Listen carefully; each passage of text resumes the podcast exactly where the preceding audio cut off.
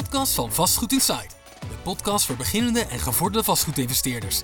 Met uw host Christy Albay en onze gast van vandaag, Kieran O. Corner.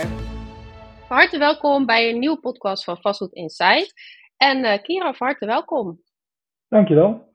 Leuk dat we het uh, deze keer op deze manier kunnen doen. Uh, normaliter doen we het natuurlijk um, bij ons kantoor. We zijn verhuisd.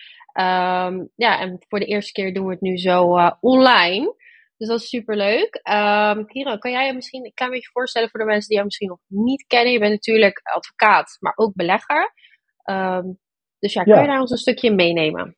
Ja, zeker. Um, ja, ik ben dus Kieran O'Connor. Uh, ik ben uh, inmiddels tien jaar uh, vastgoedadvocaat. ik heb in eerste instantie aan de Zuidas gewerkt, daarna bij een regionaal kantoor en inmiddels ben ik met mijn eigen advocatenpraktijk aan het ondernemen. Um, ja, ik richt me echt op vastgoedrecht, civiel vastgoedrecht. En ik uh, adviseer en procedeer voor uh, allerlei vastgoedeigenaren. En ik focus vooral op vastgoedbeleggers. Um, en waarom? Omdat ik zelf ook vastgoedbelegger ben. Um, ik heb een woningportefeuille samen met een compagnon. Dus ik kan vanuit die praktijkervaring ook heel praktisch adviseren. Ja, ja, dat is natuurlijk ideaal. Um, nu hebben we natuurlijk uh, in de laatste tijd uh, veel nieuwigheden. We hebben in de vorige podcast ook wel veel gehad over ja, de actualiteit en de veranderingen die momenteel plaatsvinden. En voornamelijk de stijgende rentes. Um, ja, wat vind jij daarvan en, en, hoe ga jij daarmee om? Um, ja, helemaal eens. we zien ontzettend veel veranderingen in de vastgoedmarkt. Uh, we zien aan de ene kant heel veel nieuwe overheidsmaatregelen. Uh, je hebt het daar in een vorige podcast ook over gehad. Onder andere over de regulering van de middenhuur. Uh, wat ja. natuurlijk een heel actueel en heel belangrijk onderwerp is voor beleggers. Um, maar naast die overheidsmaatregelen ehm, zien we ook ehm, dat, dat de woningmarkt aan zich aan het kantelen is. de rente stijgt. Uh, om de inflatie in te dammen. Dat is niet zo gek als je kijkt hoe hoog die inflatie uh, was uh, de afgelopen tijd. Ehm, dus de ECB heeft besloten om, om de rente met behoorlijk wat basispunten te verhogen. en dat heeft enorme gevolgen voor, voor de kapitaalmarkt en, en, en daarmee ook voor, voor de vastgoedwereld. Ja, ja, inderdaad. En wat zie jij zelf dan, zeg maar, in je eigen omgeving of bij je klanten, wat voornamelijk dan, ja, wat ze nu doen en hoe ze anticiperen op ja, de nieuwe omstandigheden? Nou, wat, wat, ik, wat ik zie is dat um, ik heb best wel wat dossiers uh, inmiddels um, die indirect of direct voortvloeien uit die rentestijging. Dus bijvoorbeeld, um, ik heb uh, bijvoorbeeld een cliënt, projectontwikkelaar, die heeft uh, een aantal maanden geleden, voordat die rentestijgingen aan de gang waren, heeft hij gecontracteerd over een bepaald project. En uh, nu uh, is dat project, wordt dat project steeds moeilijker te financieren. Um, doordat de rente stijgt uh, en dat niet verwacht was door deze cliënt, um, heeft hij nu enorm veel moeite om het rond te rekenen. dus die is bij mij gekomen met het contract in, de, in de hand en die vroeg aan mij, Kieran, kunnen wij nog onder dit contract uit? Hoe, moeten we dit doen? Want wij, kunnen het gewoon niet rondrekenen. nou, dat is, dat is een heel typisch voorbeeld van een dossier dat echt voortvloeit uit, uh, uit die rentestijgingen. En zo heb ik er nog wel een aantal. Uh, dus kort gezegd, partijen hebben langere tijd geleden zijn ze verplichtingen aangegaan tegenover elkaar. Toen de rente nog heel laag was en toen het geld nog tegen de plinten klotste, zeg maar. Um, en nu is dat heel snel aan het veranderen. En, en ze willen dus weten, kunnen wij onder contracten uit? Of ze willen weten, hoe kunnen wij onze contractspartner aan zijn verplichting houden? Want hij, hij wil er onderuit. Dus zo zie ik dat. Ja, Oké, ja, dat is uh, wel inderdaad iets wat nu veel speelt. En ja, kunnen die mensen dan ook makkelijk onder die contracten uit? Ik, vaak die contracten zijn best wel uh, sterk en goed onderbouwd. Uh, dus dat lijkt mij wel lastige ja, dossiers om op te pakken. nou ja, het, ligt er helemaal aan hoe er gecontracteerd is. dat verschilt echt heel erg per, per zaak. Um, je, hebt, je hebt echt miljoenen projecten en die, die, die worden gedraaid met contractjes van, van 1 A4'tje bij wijze van. Of bij helemaal geen contract, heb ik zelf al een keer gezien. Um, maar je hebt ook projecten, daar, daar liggen inderdaad uh, vuistdikke contracten aan ten grondslag. En dan, uh, dan, dan is het uh, inderdaad speuren naar haakjes. bijvoorbeeld in dat, in dat dossier waar zo iemand onder een contract uit wil. Dan ga je kijken als advocaat zijnde, nou, zijn er voorbehouden gemaakt bij de afspraken? Ehm, je kunt, in Nederland kun je afspreken wat je maar wilt. Dat is, dat is heel fijn. Je hebt contractsvrijheid. En dat betekent dat je ook heel creatief kunt zijn. Dus je kunt allerlei voorbehouden en voorwaarden opnemen in je contract. En met elkaar overeenkomen. het meest bekende is natuurlijk financieringsvoorbehoud, dat iedereen wel kent. Maar je kunt het zo gek niet bedenken. Of je kunt het, je kunt het met elkaar afspreken. Ehm, dus als je een, een, een, uitgebreid contract hebt, kan het zijn dat je daar uh, haakjes vindt om, um, om, om zo'n contract te kunnen ontbinden op het moment dat de marktomstandigheden dusdanig veranderen dat je het gewoon niet meer rondgerekend uh, krijgt. Um, wat, je, wat je tegenwoordig ook veel ziet, is uh, coronabepalingen, zoals we ze noemen. dat zijn dus bepalingen die voorzien in de situatie dat er een coronapandemie of überhaupt een pandemie komt en ja, wat dan te doen? Heel veel huurcontracten voor, voor winkels, nu bijvoorbeeld, of voor sportscholen of dat, horeca, dat soort partijen, die hebben nu zo'n coronabepaling. Daar staat dus in, nou, als corona weer opleidt of er een andere pandemie zich voordoet en we moeten sluiten, dan spreken we af dat we daar op die en die manier mee omgaan. Dus dan wordt de huur met 50% verlaagd of wat dan ook. Mag allemaal. nou, dat soort bepalingen had je vroeger natuurlijk nooit. Nee, precies. Ja, dat is inderdaad wel een grote verandering. Want ik heb daar wel eens iets over gehoord. Maar ja, nu jij het zo zegt, uh, klinkt het ook heel logisch natuurlijk. Uh, dat daar meer op geanticipeerd wordt. En dan merk je nu. Sorry, het is ook, het is ook logisch. Um, maar uh, het punt is dat je, je, je denkt pas over zoiets na als, vaak als het probleem er al is. dus de truc is om met behulp van een adviseur, denk ik, aan de voorkant zoveel mogelijk risicoscenario's uit te denken. En daar ja. zelf af te spreken. Ja, zeker. Nee, inderdaad, klopt. Um, en ook zeg maar nu de stijgende rentes, merk je dan ook, want ja, de banken uh, geld lenen wordt gewoon duurder. Um, merk je ook, want jij bent natuurlijk ook best wel actief uh, in uh, contracten opstellen, et cetera, binnen joint ventures. Um, merk je ook dat dit, dit nu toeneemt, omdat het kapitaal gewoon ja, duurder wordt? Ja, een hele goede vraag. Uh, misschien is het goed om eerst de, de, de luisteraars zeg maar, mee te nemen in, in wat een joint venture überhaupt is. Ja. Want het is een beetje een gevleugelde term die wat mij betreft te pas en te onpas wordt gebruikt. Um, ik zie heel vaak de term joint venture voorbij komen in allerlei uh, WhatsApp groepjes en ja. netwerken. Um, een joint venture is, is eigenlijk, die term is heel breed. het is geen wettelijke term natuurlijk, het is bedacht door de markt. Um, dus dat betekent dat de wet bepaalt ook niet dat iets een joint venture is, ja of nee. Joint venture betekent letterlijk gezamenlijke onderneming. En dus natuurlijk, die term is overgewaaid uit, uit Engelstalige landen. Um, en ja, het is, dat is wat het is. Het is een gezamenlijke onderneming. Dus partijen die, uh, die spreken samen af om iets te doen. Um, en dat kan heel breed zijn. Dus je hebt geen standaard uh, joint venture overeenkomst of zo.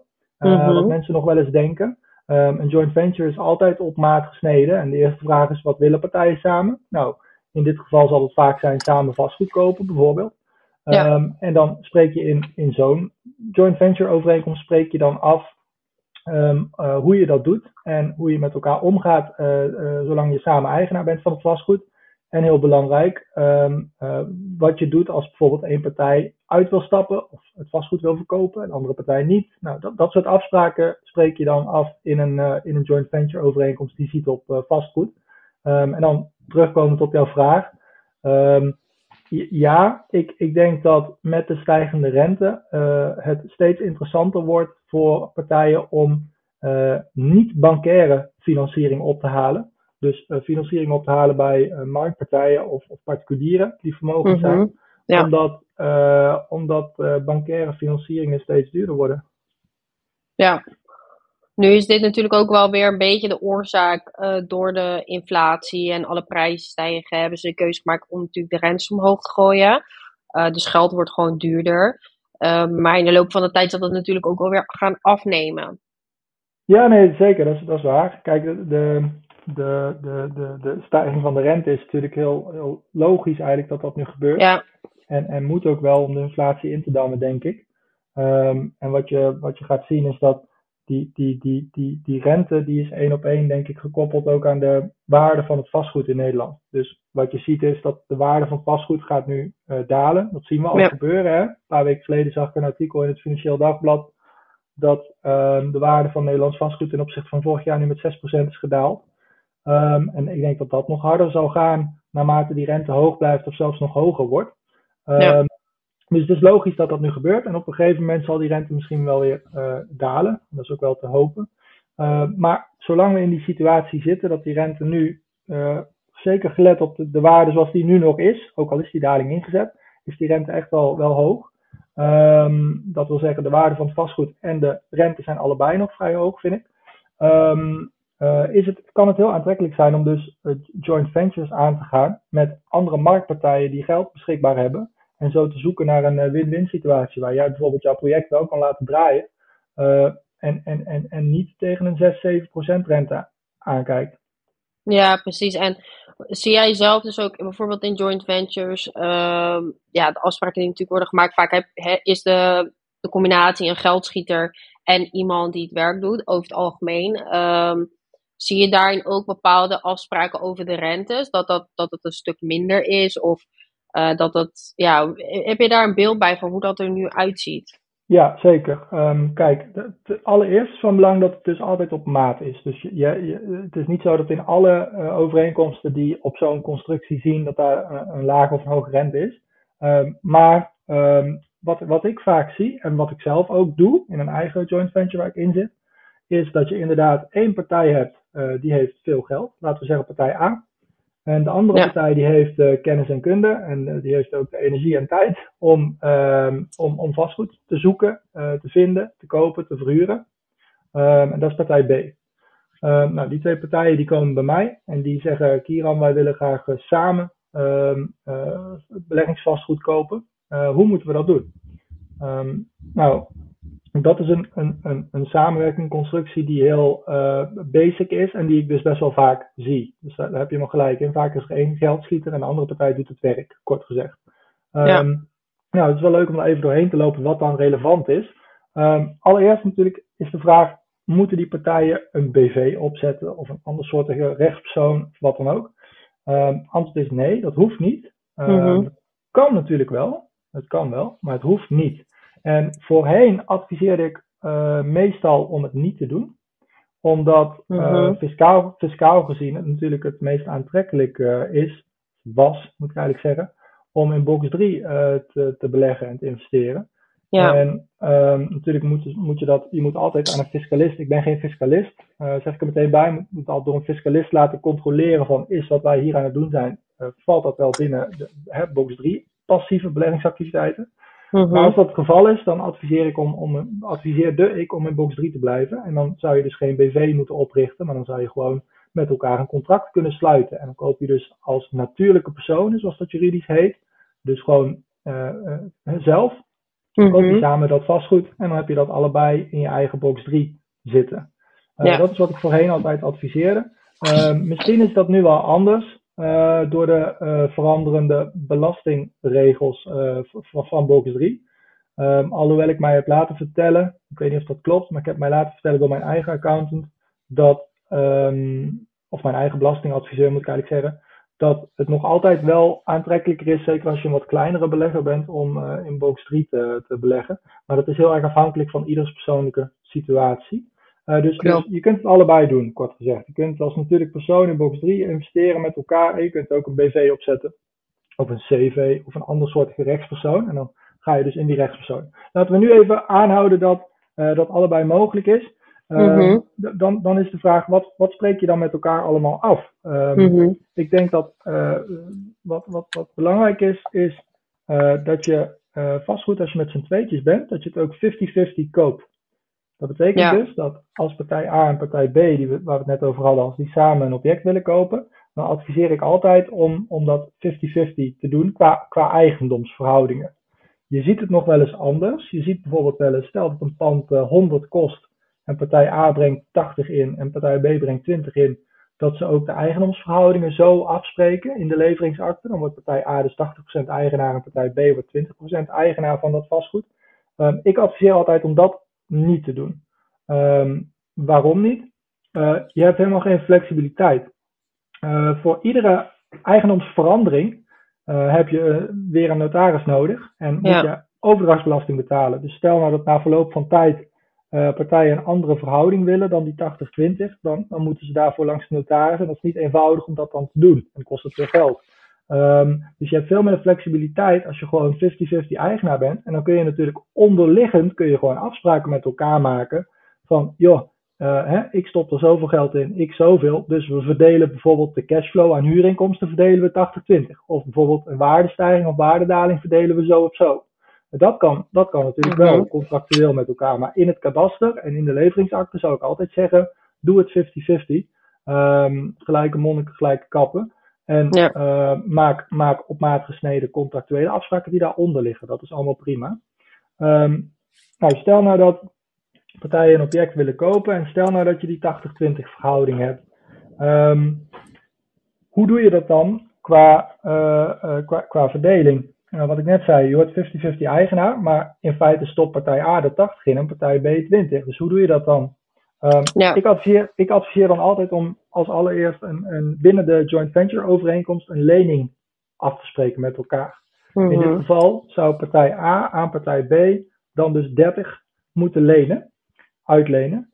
Uh, zodat uh, partij A uh, die 50 kan inbrengen en partij B ook. Namelijk 20 eigen geld en 30 geleend geld van partij A. Dus ook 50. Ja. Um, op die manier kun je bij die leningsovereenkomst tussen partij A en B, kun je bijvoorbeeld afspreken uh, uh, wat de aflossingstermijn is van die 30, welke rente daar tegenover staat en wat daar verder nog tegenover staat. En in deze constructie ligt het heel erg voor de hand dat partij B al het werk gaat doen. Dus die, die heeft het vastgoed gevonden, of die gaat het zoeken en gaat het vinden. Ja. die, die, die zorgt ervoor dat het, al het contact met de makelaar, die zorgt ervoor dat het verhuurd wordt, et cetera. Um, dan ligt het voor de hand dat je daar tegenover een lage rente afspreekt. En dat die lage rente, dat dat eigenlijk de betaling is van partij A voor al die activiteiten die partij B ontvlooit. Snap je? Ja, ja. ja duidelijk dat, verhaal. Dat, dat, dat is ook wat ik zelf uh, heb gedaan. Ik heb dus uh, zo'n samenwerkingsovereenkomst. Um, en, en, en, en wat je dan dus afspreekt, is dat je, um, uh, een, een, ja, je spreekt een lage rente af. En in ruil daarvoor betaal je, of in ruil daarvoor ontplooi je activiteiten en verricht jij, vind jij het vastgoed en draag je het aan, zodat je het samen kan kopen. En natuurlijk is het heel belangrijk dat je, uh, uh, je bent passief aan het beleggen. Dus ik heb bijvoorbeeld alle verhuuractiviteiten, beheeractiviteiten heb ik allemaal uitbesteed. Dus ik, ik doe dat ook echt gewoon puur passief. Uh, dat is ook belangrijk, want anders moet je niet in box 3 zitten. En dan kun je beter ja. een BV opzetten. Uh, dus dat, is zeg maar de, de, de, de, hoe je instapt met elkaar. Je verdeelt op die manier het geld, denk ik, met zo'n leningsovereenkomst. En dan koop je het vastgoed. Um, nou, dan maak je afspraken met elkaar over eventueel uh, ook nog een bankaire financiering daarbij. Uh, dat heb ik ook. Ik heb bijvoorbeeld afgesproken met de investeerder waar ik mee samenwerk dat wij voor een bepaald percentage, zeg bijvoorbeeld 50%, ook een bankaire financiering nemen. Um, en zo kun je verder hefbomen, het vastgoed. Uh, maar goed, aangenomen dat die rente heel hoog is en je dat niet wil, laat ik dat even achterwege. Um, nou, dat, dat, dat kun je dus met elkaar afspreken. En dan uh, tot slot is denk ik heel belangrijk, waar mensen over na moeten denken, de, de, de exit bepalingen, zoals ik die altijd noem. Ja. En dat zijn de bepalingen, uh, Christy, um, die voorzien in situaties waarbij partijen uit elkaar willen, om wat voor reden dan ook. En dan voorzie ik altijd in, in drie uh, scenario's. Um, scenario 1 is dat een van beide partijen vastgoed niet meer zo leuk vindt. Um, scenario 2 is dat uh, partijen elkaar niet meer zo leuk vinden. uh, en, en scenario, scenario 3 is dat een van beide partijen komt te overlijden. Ja, dat is het, dat is het meest vervelend. Dat, dat, dat is het meest vervelend misschien. Ja, um, maar dat, dat, zijn denk, dat zijn denk ik de drie scenario's waar je, waar je rekening mee moet houden. Ja. Nou, als je dan kijkt uh, naar, naar je, kunt, je kunt opnieuw hier alles afspreken wat je wil, wat, wat je dan, hoe je dan handelt. Wat ik zelf heb afgesproken is het volgende. Uh, scenario 1. Um, stel dat ik zoiets heb van, ik, wil, ik, ik denk dat vastgoed gaat nu een dalende markt in, een dalende trend inzetten. Ik wil het nu verkopen en ik wil niet meer in vastgoed. Ik wil in iets anders beleggen. dan doet scenario 1 zich voor. Um, ja. Wat ik heb afgesproken met, met, met mijn joint venture partner, is dat als ik dat wil, dan ben ik, uh, dan, dan laat, ben ik verplicht om het vastgoed eerst te laten taxeren op mijn kosten. Dus dan komt er een taxateur en die zegt, nou het vastgoed is 100 waard. En mm. dan ben ik vervolgens verplicht om mijn deel van dat vastgoed, mijn 50%, aan te bieden aan mijn partner. Uh, dus die heeft dan een aantal maanden de tijd, hebben we afgesproken, om te zeggen, ja, ik wil jouw helft wil ik kopen, zodat ik zelf 100% eigenaar word van het desbetreffende object. Ja. Um, of ik doe dat niet. Um, als hij zegt dat wil ik, dan ben ik verplicht om aan hem te verkopen voor, uh, voor de getaxeerde prijs. Um, en als hij het zegt ik wil het niet kopen, of als hij niet binnen dat aantal maanden dat we hebben afgesproken, uh, die aantal maanden die we hebben afgesproken koopt, dan staat het mij vrij om uh, gewoon vrij op de markt mijn 50% te verkopen. En, en dat laatste, dat, dat gebeurt natuurlijk niet zo vaak en niet zo snel. Want ja, wie wil nou de helft van vastgoed kopen met een partner die hij of zij niet kent? Ja. Uh, dus dat, die situatie zal zich niet zo snel voordoen, maar misschien wel de situatie dat mijn compagnon of mijn partner zegt van nou, ik neem het wel van je over, dan word ik 100% eigenaar, want ik heb nog wel vertrouwen in de markt, ik wil gewoon door met vastgoed. Um, dus dat, dat is scenario 1. Scenario 2 is dat, uh, uh, dat we elkaar niet meer zo leuk vinden. Uh, nou, dat, dat, dat, dat, dan wil ik dus eigenlijk kort gezegd mijn vastgoed wel houden, alleen ik wil gewoon niet meer met mijn compagnon in de boot zitten. Um, en het probleem is dan, probleem, de, de, de, de, opzet is dan dat we 50% eigenaar zijn van een aantal panden in plaats van 100% eigenaar van wat minder panden. En ja. uh, precies dat ga je dan dus omdraaien. En je gaat dan over tot verdeling van de portefeuille, dat is scenario 2, als we elkaar niet meer zo leuk vinden. Uh, dat betekent dat we samen opdracht geven aan een taxateur om de hele portefeuille te taxeren op onze gezamenlijke kosten. Nou, dan rolt daar een waarde uit voor elk object. En vervolgens gaan we gewoon om tafel en gaan we onderhandelen over jij, jij pakt die, ik pak die, ik pak die. Um, en we kijken hoe dat zit met de waardes. En ik moet hem dan bijbetalen of hij mij. Uh, en zo hebben we het dan uh, verdeeld. En dan ben ik dus niet meer, zeg bijvoorbeeld dat we 10 panden hebben, gezamenlijk. Dan ben ik niet meer 50% eigenaar van 10 panden, maar 100% eigenaar van 5 panden waarschijnlijk. Of 100% ja. eigenaar van 4 panden, of wat dan ook. En dan wordt erbij betaald, zodat dat level. En de taxatiewaardes vormen dan weer zeg maar, de, de, de, de, de het houvast uh, hè? En, en, de leidraad voor de verdeling. Um, dus dat is scenario 2. Uh, eh, dus als we elkaar niet meer zo leuk vinden. En dan scenario 3, dat er iemand komt te overlijden. Um, ja, dat, dat is een scenario waar ik altijd lang over uh, moet overleggen met cliënten. want daar denkt iedereen weer anders over. Um, stel dat ik morgen onder de bus loop, dan zou in mijn situatie zou mijn vrouw uh, uh, als mijn erfgenaam uh, aan tafel komen met mijn compagnon.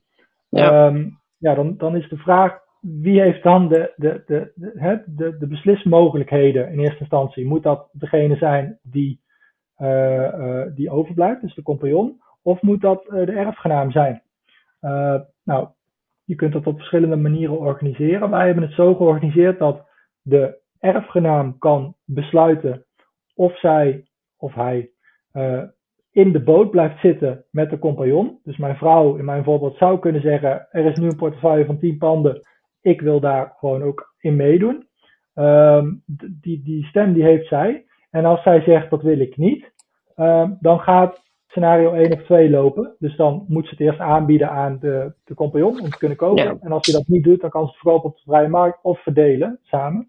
En dat laatste ligt dan denk ik het meest voor de hand. Um, dat, dat, en dan vervolgens verkoopt zij de panden waar ze 100% eigenaar van is, gewoon zelf. Uh, dus dat, dat kan. Maar je kunt het ook weer anders doen. Ik heb, laatst heb ik nog een uh, joint venture overeenkomst gemaakt voor mensen die zeiden, ja, wij willen helemaal niet die eerste stem bij de erfgenaam. We willen gewoon zelf kunnen bepalen. We willen absoluut niet opgezadeld worden met elkaars erfgenaam.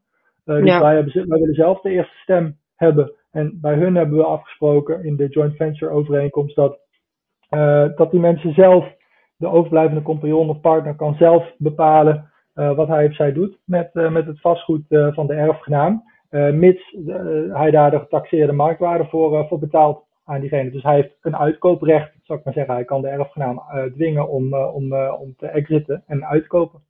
Ja. Um, dus ik ben, ik ben al heel aan het woord, maar dat zijn de, dat zijn de exit bepalingen waar ik ook vaak, die ik vaak opneem in joint venture overeenkomsten. Ja, precies. Want als je dan stel, in het geval wat je nu benoemt, zou het dus ook kunnen zijn, stel ze hebben tien panden en de getaxeerde waarde deel je dan over die totale panden door de helft, waardoor de ene bijvoorbeeld drie krijgt en de ander uh, zeven of vijf, vijf. Want die panden zullen nooit, lijkt mij, altijd dezelfde taxatiewaarde hebben. Um, dan is dat eenzelfde soort exit. neem ik aan dan, toch? Ja, nee zeker. Nee, want, want je, je gaat nooit 50-50 helemaal uitkomen. Want uh, niet alleen hebben panden verschillende waardes. Dus zou het heel toevallig zijn als je precies met vijf panden overblijft. In de hypothetische situatie dat je tien panden in totaal hebt, dat je met vijf panden overblijft die zeg vijf ton of een miljoen waard zijn. Uh, ja. en, en, de andere partij precies hetzelfde. Dus er zal altijd ook, uh, zeg maar, liquide middelen zullen er ook altijd betaald worden over en weer. Maar dat, er zijn veel meer factoren zeg maar, die meespelen. Het kan ook zijn dat een pand bijvoorbeeld qua waarde uh, zo hoog is, maar een veel betere cashflow heeft uh, dan een ander pand. Nou, het kan zijn dat compagnon A uh, die intrinsieke waarde belangrijker vindt dan de cashflow. En compagnon B juist die cashflow zo hoog mogelijk wil hebben. dat, dat speelt ook mee. Ja. Sommige panden zijn ouder dan andere, hebben meer onderhoud nodig op kortere termijn, et cetera, et cetera. Dus het is het is, sowieso is het echt maatwerk, zo'n verdeling. Uh, en het kan ook zo zijn dat je bijvoorbeeld die tien panden hebt, omdat je het over acht panden eens wordt en over de laatste twee niet. Nou, dat kan. Dan heb je die acht in ieder geval verdeeld. Dan hou je die twee in gezamenlijk eigendom en dan ga je zoeken naar een andere oplossing. Ja. Dus, uh, dus, dus, dus het, het, is, het is altijd is het, uh, spelen met elkaar en kijken hoe ver je kan komen tot een oplossing. En uh, wat ik dus ook de laatste tijd uh, wel eens hoor, is dat mensen in plaats van naar de bank gaan, uh, ja, hun panden laten financieren bij een uh, pensioenfonds. Nou, nu was dat in het ja, kort, kort verleden, dus een paar maanden geleden, hoorde je dat niet vaak, omdat gewoon er prima rentes gehanteerd werden bij de bank, bij de vastgoedbanken. Nu is dat natuurlijk wel anders. En zijn mensen continu op zoek naar andere mogelijkheden. We hebben net natuurlijk al de joint venture behandeld. En hoe ziet dat eruit? Of heb jij enige ervaring met pensioenfondsen? als zij uh, ja, vermogen beschikbaar stellen aan uh, particuliere of zakelijke investeerders in vastgoed? Um, ja, enigszins. Ik heb dat nog nooit concreet zelf aan de hand gehad, maar ik heb er wel over gehoord en ik heb het al meegemaakt vanaf de zijlijn. En, en ja, inderdaad, dat gebeurt. Niet alleen pensioenfondsen, maar alle partijen die, die veel vermogen hebben, die, die kunnen dit doen. En um, ja, kort gezegd is het zo dat nu financieren via de de klassieke weg, dus via de bank, nu dat in één keer echt veel duurder is geworden, um, uh, zul je steeds meer zien dat mensen op zoek gaan naar alternatieve vormen van financiering. En dan kun je inderdaad een, een financiering aantrekken van bijvoorbeeld een pensioenfonds. Um, en, en, en hoe dat dan gaat, is nou eigenlijk heel vergelijkbaar met het, het leningsstukje wat ik net uitlegde. Je sluit gewoon een, eh, een, een, een overeenkomst met het pensioenfonds waarbij je een x bedrag uh, in krediet krijgt om in vastgoed te investeren. En daar kun je dan van alles over afspreken. Qua rente, qua rendementseisen, qua terugbetalingstermijn, wat je maar wilt. Um, maar, maar ik denk dat, dat dat altijd ook weer op maat zal zijn. Ja, want de percentages die daar, weet jij wat voor percentages ze dan zouden afspreken of wat ze toen de tijd hebben gehanteerd? Uh, dat wel heel interessant is. Ja, dat snap ik. Ja, nee, dat, dat zal echt afhankelijk zijn van de hoogte van het bedrag en van de stand mhm. van de markt. Kijk, wat ik nu zie is dat bankaire uh, hypotheekrentes, uh, die zijn nu gewoon bij bijvoorbeeld voor beleggingshypotheken, die, die gaan de 6, 6,5% al voorbij voor één jaar vast. ja. dat, dat, is, dat, is, dat is ongelooflijk als je kijkt naar hoe dat vorig jaar was, waar je gewoon tegen de 2% volgens mij aan zat. ja, klopt inderdaad. Echt, echt niet normaal. Dus hoe snel dat is gestegen bedoel ik. Uh, dus uh, dat is heel erg afhankelijk van, van de hoeveelheid geld denk ik, die, die je zou kunnen lenen en, en wat je ermee doet. En wat voor zekerheden je ook voor in de plaats geeft. Hè? Want dat is nog een onderwerp waar we het eigenlijk niet over hebben gehad. wat wel heel interessant is. Dus zekerheidsrechten. Um, binnen zo'n joint venture overeenkomst kan het zo mhm. zijn. Kan het zo zijn dat de geldschietende partij, partij A in onze hypothetische casus, um, dat die ook zekerheidsrechten wil. En um, wat ik altijd zeg is, als je die 50-50 eigendomsverhouding aanhoudt, dan heeft mhm. partij A eigenlijk al heel veel zekerheid, want hij is gewoon eigenaar van het vastgoed. Dus er kan niks van het vastgoed, met het vastgoed gebeuren zonder dat hij zijn handtekening zet, ja. kort gezegd. Um, maar bijvoorbeeld bij zo'n pensioenfonds, waar je het net over had, die, die niet eigenaar wordt van het vastgoed, maar gewoon geld uitleent, um, die kun je een hypotheek geven, zoals je dat ook bij een bank uh, zou doen. Um, mensen vergeten dat nog wel eens, maar een hypotheek iedereen kan een hypotheekrecht krijgen. Um, gelijk een bank dat uh, doorgaans uh, bedingt. Dus je kunt, stel jij leent 10 miljoen van een pensioenfonds mm -hmm. en je mhm. gaat daarmee voor, voor 10 miljoen euro vastgoed kopen. Dan kun jij een eerste recht van hypotheek verstrekken aan het pensioenfonds met dat vastgoed als onderpand. Mhm. Ja. en dat werkt precies hetzelfde als bij een bank. Ja, inderdaad. Alleen dan is het natuurlijk niet de bank, maar dan is het een uh, pensioenfonds. En dat kan ook bij, uh, bij natuurlijke personen, volgens mij, ja, toch? Zeker, 100%. Nou. Dat, kan, uh, dat kan zeker. En, en um, een hypotheekrecht is, even juridisch hoorcollege, een hypotheekrecht is een recht dat zit vast aan een bepaalde onroerende zaak. Mm -hmm. Dat zit vast aan de grond en aan de stenen op de grond. En um, op het, een hypotheekrecht betekent dat op het moment dat de hypotheekgever, dus degene die het geld leent en die het hypotheekrecht geeft hm. aan bijvoorbeeld een mhm. pensioenfonds, uh, zijn verplichtingen niet nakomt. Dus je hebt die 10 miljoen geleend van het pensioenfonds, maar je voldoet niet aan je renteverplichtingen om je rente te mhm. betalen, of je, of je lost niet op tijd af, of wat dan ook. Uh, dan heeft de hypotheeknemer, in deze casus het pensioenfonds, Mhm. Ehm, het zogeheten recht van parate executie. En dat betekent dat uh, het, het, het, pensioenfonds over kan gaan in het uiterste geval. Want daarvoor moeten nog wel een aantal hobbels worden genomen, maar daar zal ik je nou niet mee vermoeien. Maar in het uiterste geval kan het pensioenfonds dan het desbetreffende pand waar het hypotheekrecht op rust verkopen. Uh, of zich gewoon toe-eigenen. Uh, Om zo dat te verrekenen met de, de vordering die hij heeft op de geldnemer. Dat is een hypotheekrecht, dus je kunt dat aan iedereen geven. Ja, Oké. Ja. super interessant. Um, nou, we hebben nu nog al aardig wat dingetjes van joint ventures uh, besproken. Zijn er nog dingen die we gemist hebben? We hebben het natuurlijk best wel uitgebreid over gehad, maar denk je, zijn er nog puntjes waarvan je denkt, nou, dit moeten we nog even bespreken? Ja, ik vind het altijd lastig, want het is, uh, het is, een, uh, het is een heel complex onderwerp eigenlijk, waar je, waar, ja. je, waar, je, heel lang over kan praten als iemand dat interessant vindt. Um, ik kijk heel even wat ik hier in mijn eigen aantekeningen heb staan. Ik, ik, ik, denk dat we de belangrijkste dingen wel hebben gehad. Misschien nog een algemene tip over het met elkaar contracteren en bijvoorbeeld een joint mhm. venture overeenkomst sluiten. Wat, ik, wat ik echt als, als advies wil meegeven is, schrijf um, objectief en meetbaar op wat je wilt doen. En dat klinkt heel, heel logisch, maar zorg ervoor dat je alles heel erg in Jip en Janneke taal opschrijft met elkaar, wat je wil. Dus als je het zelf niet begrijpt, moet je het eigenlijk niet opschrijven, want dan begrijpt een ander het ook niet. Uh, het moet gewoon simpel zijn, hier in de taal. Um, en, en, en schrijf het altijd uh, objectief en meetbaar op. Dus een, een klein voorbeeld. Um, schrijf niet dingen op als partij A moet zijn best doen om dit of dit. Of partij A zal, zal dit of dit regelen. koppel altijd een datum aan, uit de datum. Dus partij A regelt uiterlijk dan en dan dit. Um, um, dan weet je precies wanneer iets gedaan moet zijn en dat het gedaan moet zijn. Dan is daar geen discussie over mogelijk. Uh, dat is een beetje een algemene juristentip, zeg maar, om zo met elkaar te contracteren. En, en, uh, en als je advies nodig hebt, dan schakel dan altijd iemand in, zou ik zeggen. Ja, nee, dat, dat lijkt me sowieso wel het handigst. Vooral met juridische vraagstukken.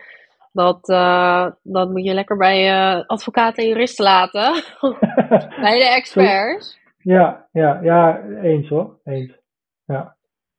Ik heb nog uh, drie hele leuke vragen voor je um, voor het einde van de podcast. Die stellen we altijd iedereen uh, die te gast komt bij ons. Um, dus die ga ik er eventjes bij pakken.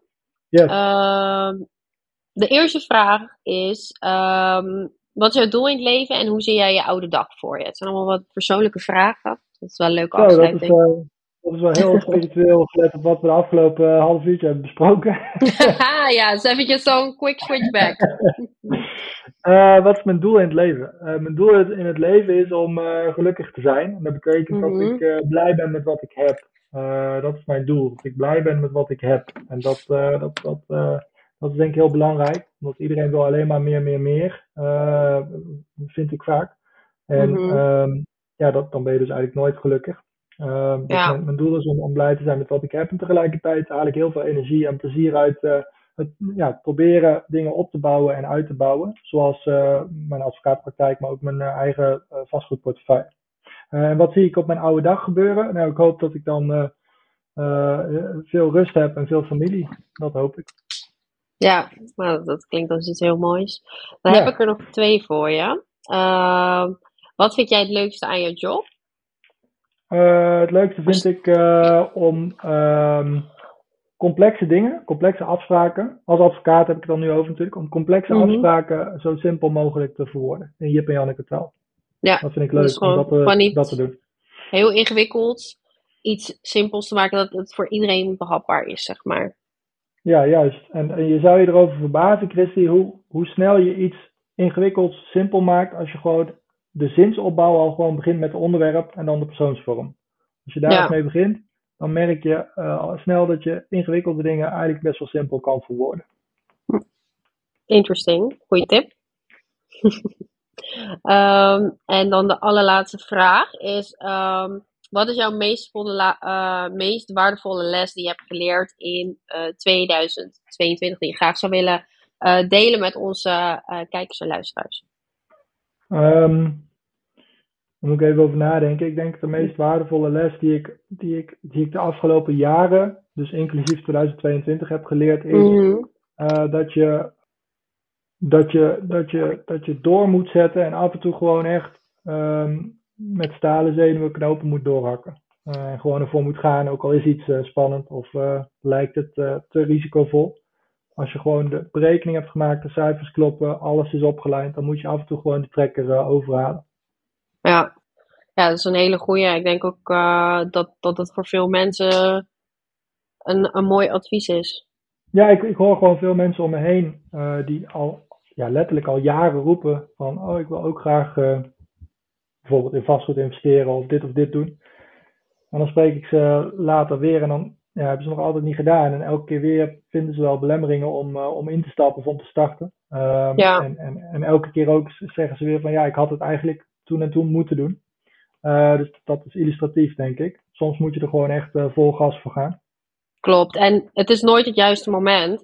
En ik denk dat het voor veel mensen juist dat denken ze, oh, het is nu niet het juiste moment, want de markt zakt. Of is nu niet het juiste moment, uh, want het is heel erg heet op de markt.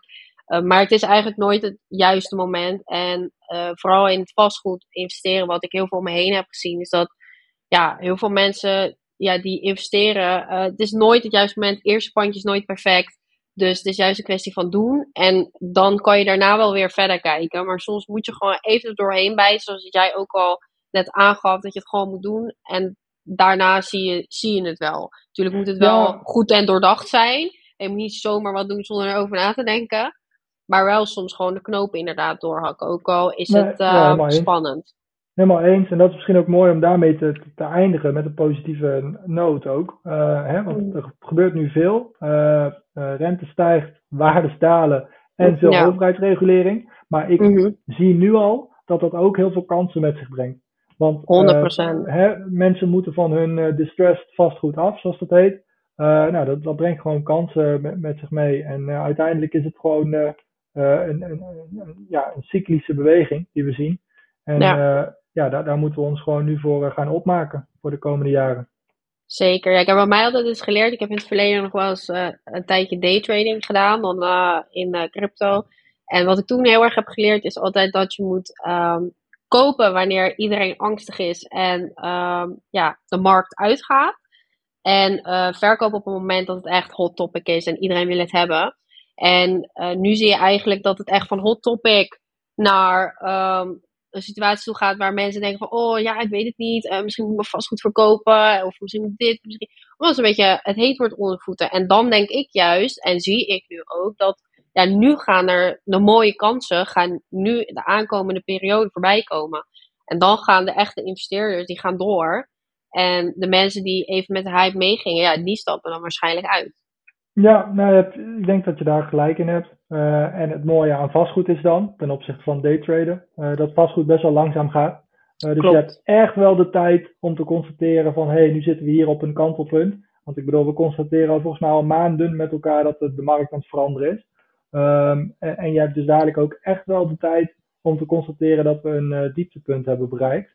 En ik denk dat daar het moment is om in te stappen. Ja, daar ben ik het helemaal mee eens. Dan gaan we de podcast afsluiten. Misschien leuk voor de luisteraars en de kijkers om te weten waar ze jou kunnen vinden en hoe ze met jou in contact kunnen komen. Ja, dat is zeker leuk. Ja, je, je, kunt, uh, je kunt mij vinden op, uh, zeker op LinkedIn. Als je mijn naam intikt, Kieran O'Connor. Uh, zet mijn naam ergens neer, zodat mensen weten hoe, hoe ze het schrijven. en mijn, mijn advocatenkantoor heet Captree Legal. en als je Captree googelt, dan, dan kom je er ook. Dus zo kunnen mensen mij vinden. Nou, helemaal goed. Dan uh, gaan we deze podcast afsluiten. Bedankt voor het luisteren of het kijken naar deze podcast. En dan zien we jullie de volgende keer. Ciao, ciao! Nogmaals bedankt voor het luisteren van onze podcast. Vind je onze podcast leuk? Laat dan een review achter. Of wil je meer over ons weten? Volg ons dan op Instagram via @matchpropertymanagement en @christialbae. De podcast wordt mede mogelijk gemaakt door Match Property Management en Match Wonen.